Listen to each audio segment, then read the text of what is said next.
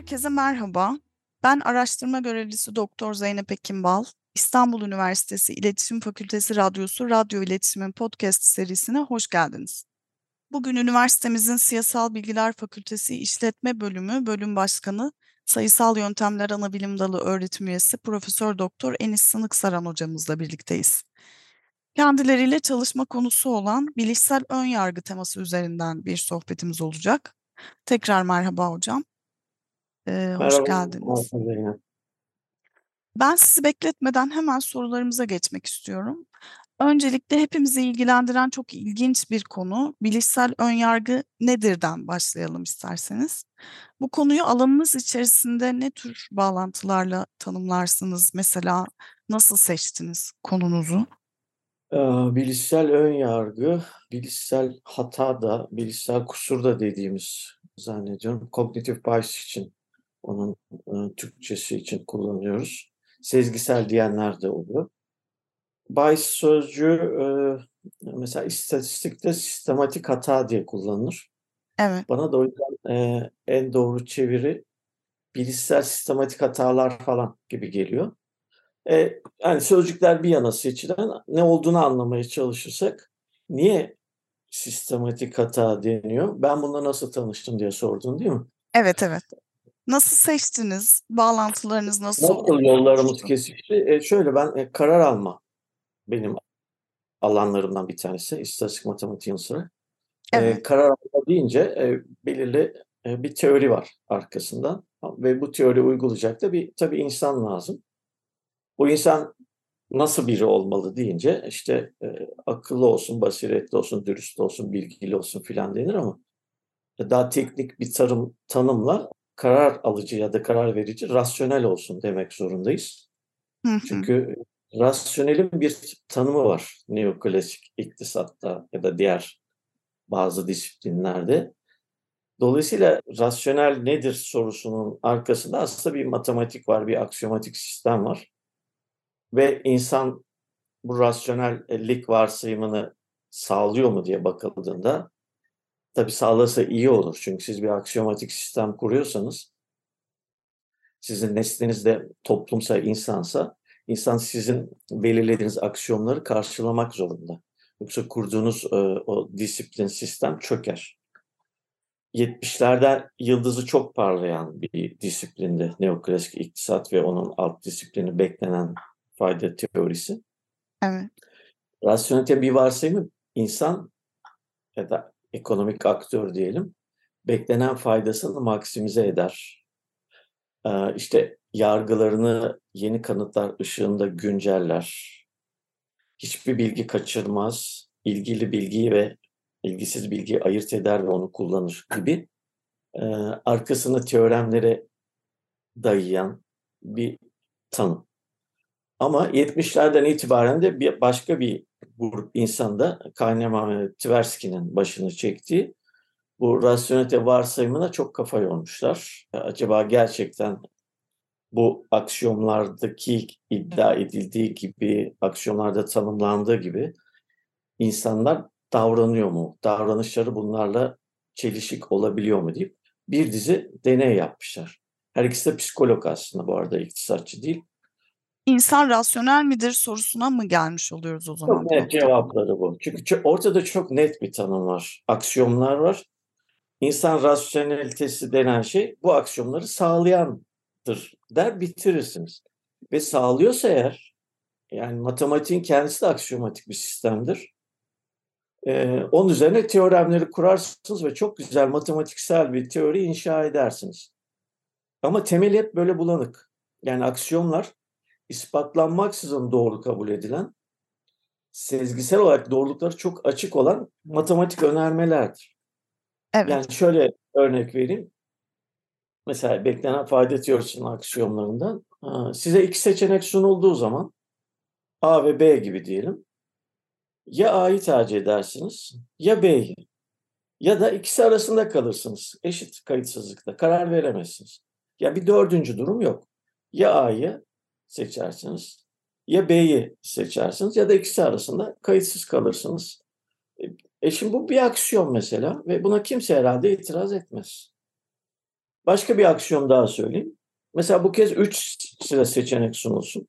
A, B, C. Eğer bir karar verici A'yı B'ye tercih etmişse, B'yi de C'ye tercih etmişse, A'yı C'ye tercih eder. Bu da çok açık değil mi? Böyle Da çok açık, hiç biraz edemeyeceğimiz, e, özür dilerim, şimdi diyecektin Ekin. Yok, davranışsal iktisat alanındaki en temel sorulardan bir tanesini aslında daha terminolojik şekilde açıklıyorsunuz. Evet. Yani bu, bu şeyler, aksiyonlar bakınca hiç kimsenin itiraz etmediği, çok açık. O konularda hiçbir sakıncası yok. Temelde bu olsun diyebileceğiniz aksiyonlardır. Ve bunları bir kere kabul ederseniz çok güzel matematiksel bir yapı kurarsınız. Ve bu bir yerde de zorunludur. Yani matematiğin bütün disiplinlerin temelinde bu ispatlanmaksızın doğru kabul edilen. Bakın burada şey çok önemli. İspatlanmaksızın. Yani ispat yok ortada. Hı Ama hı. bunları biz doğru kabul edersek sonra ispatlayabileceğimiz onlarca, yüzlerce teorem inşa edersiniz. Sonra da buna bir disiplin oluşturur. Bunlar hepsi hep birlikte. Aksiyonlar, teoremler, yardımcı teoremler. Bu varsayımı Eee doğru kabul ederek yola Doğru çıktığımızda. kabul ederek. Ya varsayım da diyebilirsin. Hani biraz şeydir, eee, teknik farklılıklar var. Aksiyom hatta postula ile aksiyom arasında da fark vardır. O aksiyom şey, eee, varsayım assumption'dır filan. Ama temel olarak bir varsayım demek çok da şey değil, hata değil yani. Evet. şeyler buna bakmış. Bu deneysel psikologlar, Kahneman başta olmak üzere. Bu basit aksiyonları sağlıyor mu diye bunu test eden deneyler yapmışlar. Onlarca, yüzlerce deney sonunda 2002'de, eee, bir psikoloğa, Kahneman'a ekonomi Nobel'ini getirmiş. Hı hı. Tabii, eee, dolayısıyla karar alma, eee, süreçlerinde insanı rasyonel varsayıp onun üzerine bir teori inşa etmek, bunları hiç hesaba katmaksızın, eee, çok, riskli bir seçim olur. Dolayısıyla Mümkün derslerimize de bunları katıyoruz. Eee, bunu zaten kattığınız zaman şimdi davranışsal önekli disiplinler çıktı biliyorsun. Davranışsal finans, davranışsal iktisat, Evet. hatta davranışsal lojistik, davranışsal tedarik zinciri gibi yeni disiplinler çıkıyor. Yani nedir bunlar? İnsanın bu, eee, eksikliklerini, kusurlarını diyelim, eee, teoriye içine gömme, eee, şeyi, disiplinleri bunlar. Evet. Eee, burada Kahneman deneylerinden yola çıkarak aslında rasyonel seçimlerin, eee, manipülasyona açık olduğu ile ilgili bir şey de söylemiş oluyoruz galiba. Dolaylı Eee, yoldan. eee, şimdi bu bir evet, tabii. Yani bir bu bir kusursa ve bu bir sistematik kusursa, sistematik hata, sistematikle ne kastediyoruz? Bu çeşitli demografik katmanlara göre değişmeyen hatalar. Yani Hımm. bundan, çok zekiler, çok eğitimliler muaf değil. Onlar da etkisi altında. Bu yüzden sistematik zaten. Framing effect dediğimiz İngilizce'de biraz çerçeveleme etkisi dediğimiz iletişimde de kullandığımız terminoloji içerisinde bir şey var galiba ki seçimlerimizin aslında zannettiğimiz gibi özgür seçimler olmadığını kasteden bir terim. Evet, Bir yandan. framing framing ya da çerçeveleme etkisi dediğimiz, eee, bugün şey Wikipedia cognitive bias yazsanız 250-300 tane çıkar zaten, Benzer. literatürde. Eee, framing de sadece bunlardan bir tanesi. Eee, eee, rasyonelitenin temel varsayımlarından birisi, yani o aksiyonların, eee, sonu sonucu olan bir şey, önerme, bilgi kaçırmamaktır ve bilginin özünü anlamaktır. Size onun nasıl sunulduğunun önemi yok. Hı hı. Mesela framing tipik bu bu ihlale yol açar.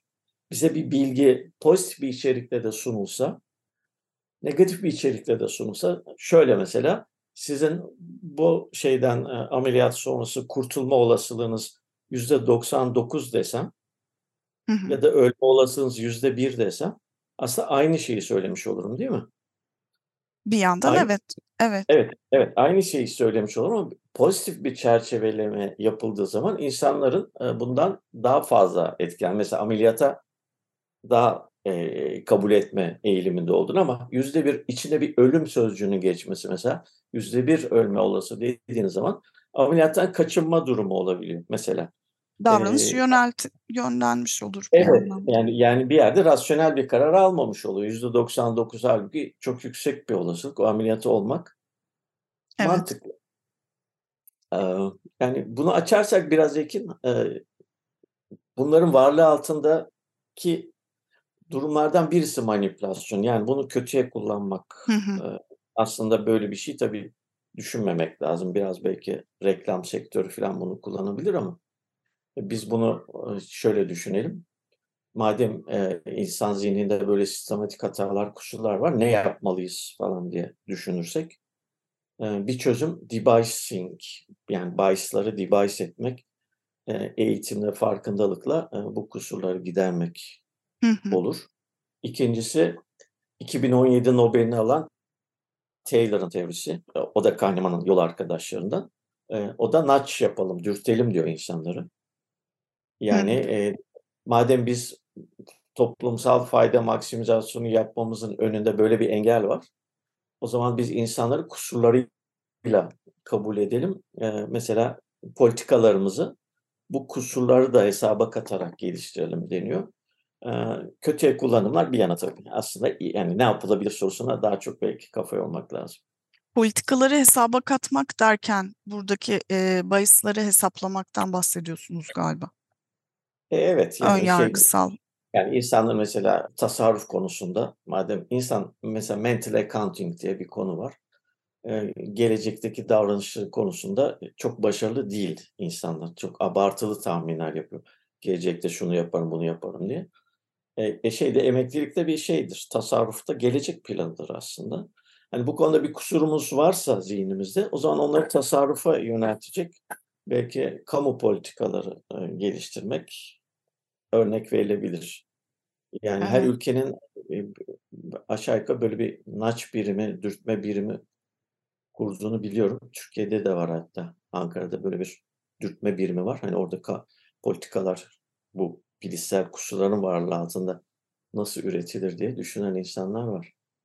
Burada davranışsal ekonomiden neden bu kadar bahsettiğimizi de aslında bir ölçüde açıklamış oluyorsunuz. Evet. Şimdi şöyle, bu şeyde tabii bu bir paradigmatik değişim mi diye bir yandan tartışılıyor. Evet. Yani artık, mutlaka bunu hesaba katmalı mıyız? Bu bir paradigma değişimi ise bundan sonra iktisat böyle olacak falan.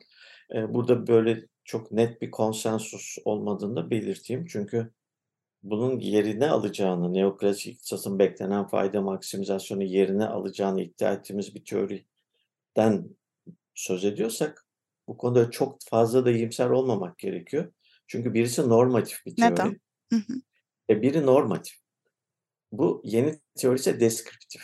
Yani normatif Hıı. ne demek? Yapılması gereken budur. Yani Evet. insanlara ne diyelim? Yani faydanı maksimize etmeme diyelim.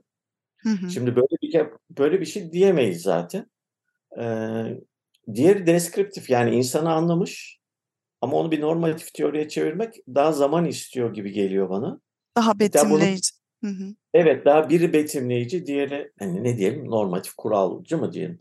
Eee, Evet. yani olması gereken. E, siz tabii, şeyler diyor ki bu normatif teoriyi hâlâ savunanlar, ne yani 2-3 tane psikolog bazı kusurlu deneylerle birtakım sonuçlar buldu diye ben bu güzelim teoriyi terk mi edeceğim? Niye bunu böyle düşünüyorum? Bunu da anlamak lazım. Çünkü, e, siz aksiyomları terk ettiğiniz zaman bir anlamda matematiği terk edersiniz. Yani o aksiyomları baz alıp üzerine teoremler inşa ediyorsunuz.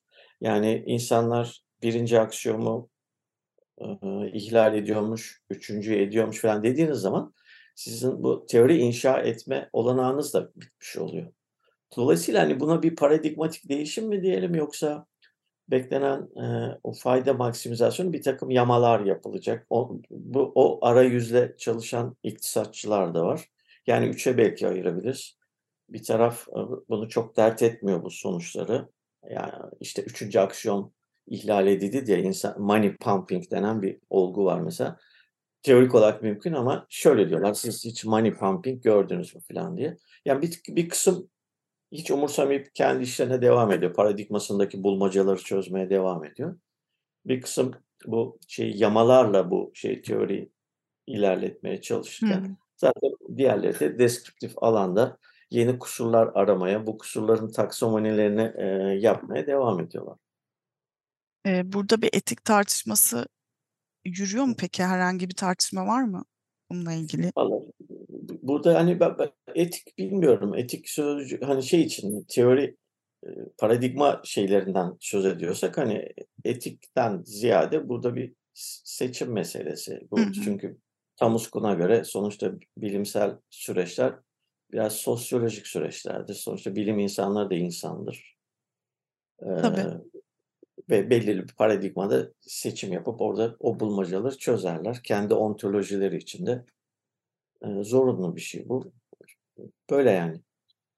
Evet. Hocam teşekkür ediyoruz katıldığınız için. Ben teşekkür Eee, ederim. en kısa zamanda tekrarını yapabiliriz umarım. Umarım. Sana Eee da başarılar diliyorum, kolaylıklar diliyorum. Çok teşekkür ederim.